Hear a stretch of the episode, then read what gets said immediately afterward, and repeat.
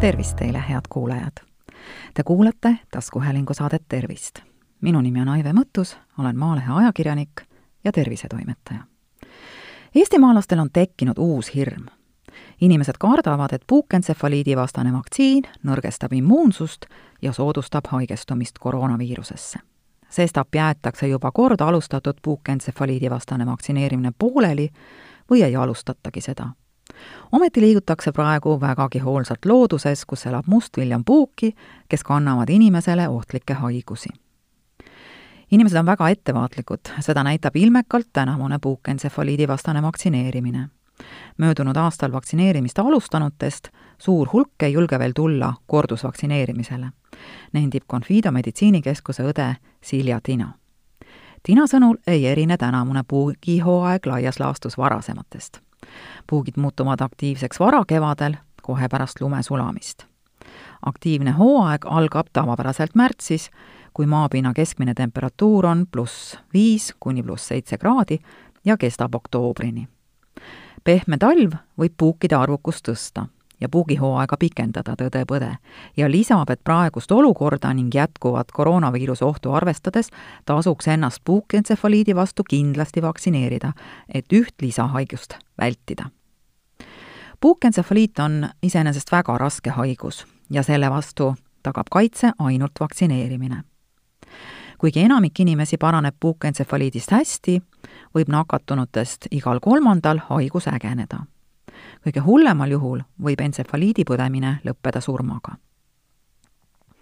entsefaliit ehk ajupõletik saabub justkui gripp, pea- ja lihasvalude ning kõrge palavikuga umbes nädal pärast puugihammustust.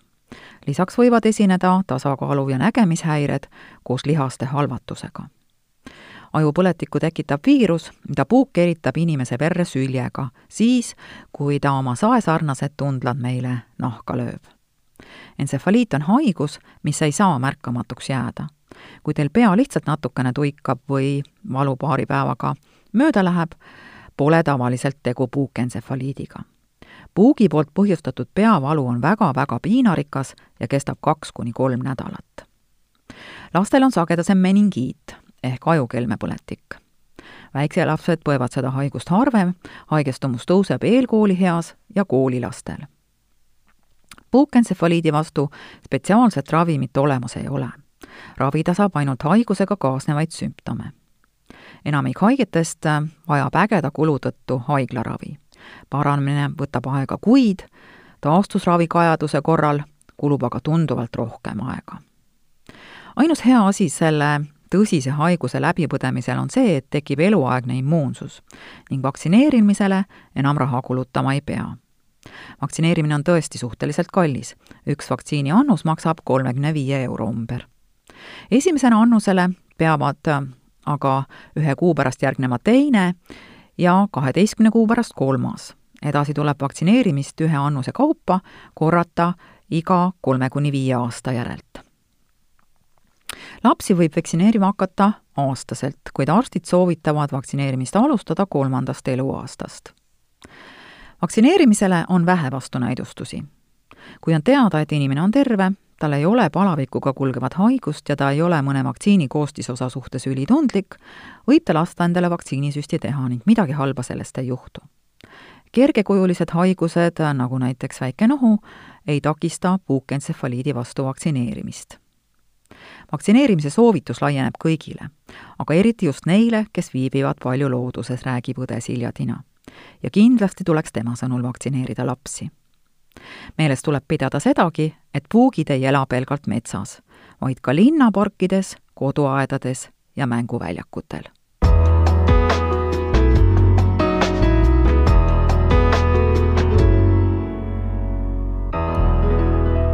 teine haigus, mida puugid levitavad, on borrelioos.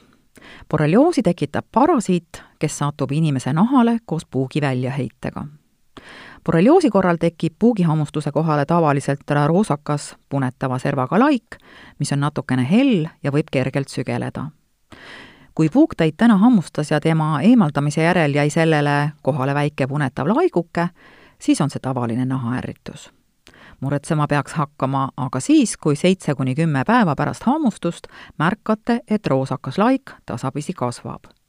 Siis tuleks arsti poole pöörduda, et välja selgitada, kas tegu võib olla algava puukborrelioosiga.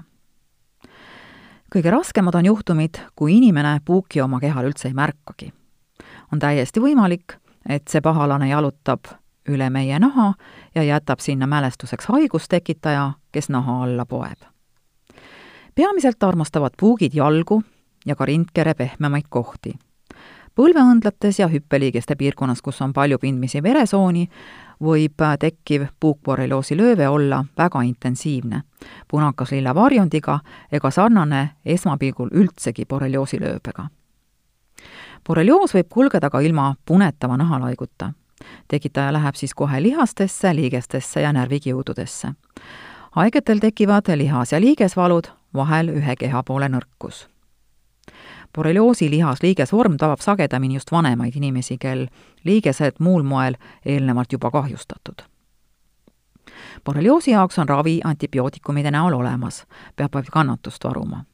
tõsine tabletikuur kestab kolm-neli nädalat. närvivormi ravitakse haiglas ja süstidega.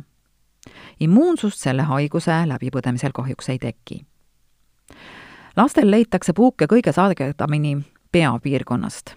Seetõttu tekib neil ka punetav nahalaik, tihti just näo- ja kaelapiirkonda. tüsistusena võib lisanduda näonärvi halvatus. vanemad ei märka seda mõnikord enne, kui lapsel hakkab jook suunurgast alla valguma ja üks silm ei lähe enam kinni. borrelioos on salakaval haigus seda tekitav bakter jääb kehasse väga pikaks ajaks, väidavad Oslo ülikooli teadlased mikrobioloogid äh, kahtlustavad, et korra nakatunud inimese kehasse jäävad mikroobid kuni elu lõpuni. kuid bakterivastaseid antikehi tekib samal ajal väga vähe. heaks pal-, pelgupaigaks on borrelioosi tekitajatele liigesed. aeg-ajalt liidub äh, osa mikroobidest mujale ja siis tekivad inimesel uuesti borrelioosi nähud. kuid Eestis on liikvel veel kolmaski puukide poolt levitatav haigus. see on tulareemia ehk jänesekatk tegemist on ägeda bakteriaalse nakkushaigusega, mis puukide vahendusel loomadelt inimestele kandub. Euroopas esineb tulareemiat lisaks Eestile ka Soomes, Rootsis, Hispaanias ja Balkani maades. kõrgem on sellesse haigestumine juulist septembrini. teadaolevad tulareemia looduskolded Eestis paiknevad Saaremaal, Hiiumaal, Pakri ja Prangri saartel, Harjumaal, Läänemaal, Raplamaal, Tartumaal ning Lääne-Virumaal. suurim puhang oli tuhande üheksasaja üheksakümne kuuendal aastal Prangli saarel, kus haigestus korraga kakskümmend kolm inimest. tulareemia põhisümptomiteks on kehatemperatuuri järsk tõus, pea- ja lihasvalu, kubeme ja kaenla lümfisõlmede suurenemine ning mõnel inimesel tekib kätele ja jalgadele ka lööve. haigustekitaja kandjateks looduses on erinevad närilised, jänesed, küülikud, ondatrad, koprad ja teised. levitajateks aga puugid, sääsed ja parmud. tulareemia tekitajat on leitud ka looduslikest veekogudest ja kaevudest. mida siis teha, et puugihammustust vältida? õde Silja Tina soovitab loodusesse jalutama minnes selga panna heledad riided. nii näete hästi, kui puuk rohult teie riietele ronib. eelistada tasub liibuvaid pikkade käiste ja säärtega rõivaid otendavate riiete peal on puugil lihtsam ronida. püksisääred tuleks panna kas sokkidesse või siis kummiku sisse. õuest naastes tasub kodus ennast lapsi ja lemmikloomi väga hoolikalt kontrollida. eriti hoolega tuleb üle vaadata nahavoldid. puukidele meeldivad niisked kohad, rinnaalused, kubemevoldid ja kaenlaalused. lastele, nagu öeldud, armastavad puugid kinnituda pea ja kaja piirkonda, näiteks kõrva taha kindlasti tuleks aga koju jõudes vahetada riided ja kammida läbi juuksed. riideid tuleks igaks juhuks veel hiljem ka kloppida ja üle vaadata ning äh, jalutuskäigul kaasas olnud kott tasub ka läbi sopsutada. paari mun-, tunni möödudes võiks sama protsessi uuesti korrata, sest märkamata puugid võivad kusagilt veel välja ronida, annab Silja Tina nõu. mida aga teha, kui leiate kehale kinnitunud puugi?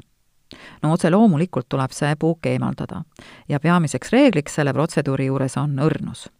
pigistada puuki ei tohi, sest nii võib nahale sattuda putuka väljaheide ja sellega koos ka borrelioosi tekitav bakter. pintsettidega tuleb puugil kaela juurest kinni võtta ja järsu pöörava liigutusega välja tõmmata. kui juhtub, et puugi pea jääb naha sisse, siis jätkegi see sinna.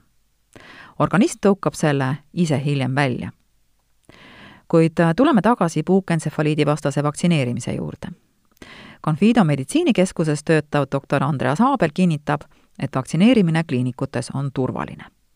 vastuvõttude planeerimisel arvestame, et korraga oleks kohapeal võimalikult vähe patsiente.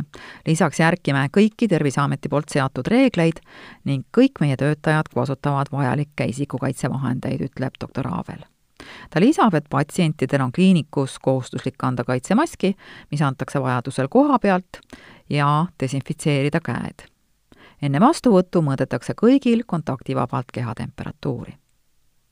vaktsineerimine ise on suhteliselt kiire protseduur, mis tähendab, et kliinikus kohapeal tuleb viibida väga lühikest aega, kinnitab tohter.